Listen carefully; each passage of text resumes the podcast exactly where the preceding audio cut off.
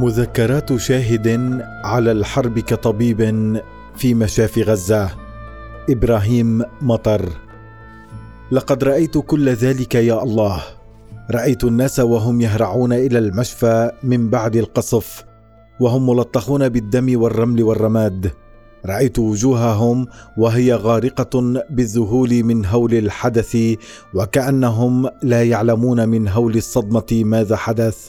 للتو رأيت اجسادهم وهي تتوقف عن التنفس لأن دخان الحريق قد تسرب إلى حناجرهم أو لأن الفولاذ قد مزق لحم صدورهم.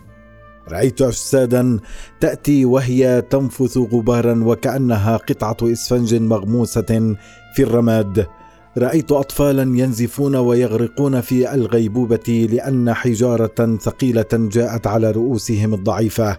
رأيت أناسا قد تغيرت ألوانهم وأشكالهم واسماءهم حيث في لحظة ما لا يمكن معرفة من هو المصاب إذ يقولون نظفوا وجهه من الغبار لعلنا عرفناه. يفعلون فيكتشفون أنه فلان الطيب البسيط الذي كان يجلس في منزله إذ لم يجد مكانا غيره للهروب.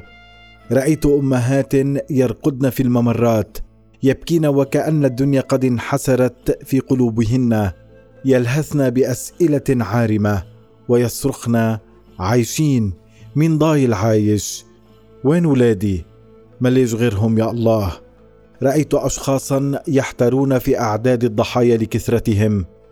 كم أحصينا اليوم من الموتى؟ هل أخطأنا في العد؟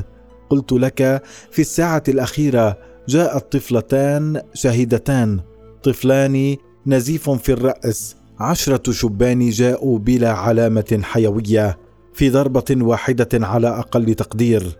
كتل من اللحم أشلاء في كيس صغير ورؤوس مفتوحة يظهر منها الدماغ.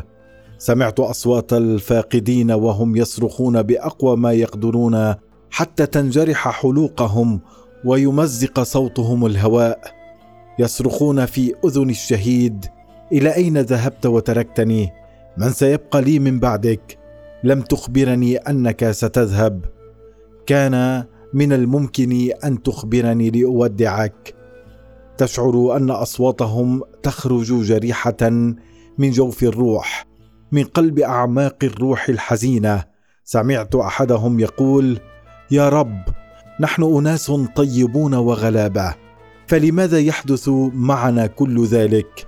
رأيت اناسا يناقشونك في الأخبار والسياسة ومصير الحرب ويتشاركون معك الأفكار ثم يصبحون هم خبرا في الأخبار. رأيت زميلا تسلم عليه صباحا ثم تعزيه بأهله في المساء. جلست مع أحد كان يحدث نفسه ويتساءل كل هؤلاء المصابين والشهداء كانوا مثلنا قبل ساعة كانوا معنا قبل قليل في الحياة. فمتى يا ترى؟ سيأتي دورنا.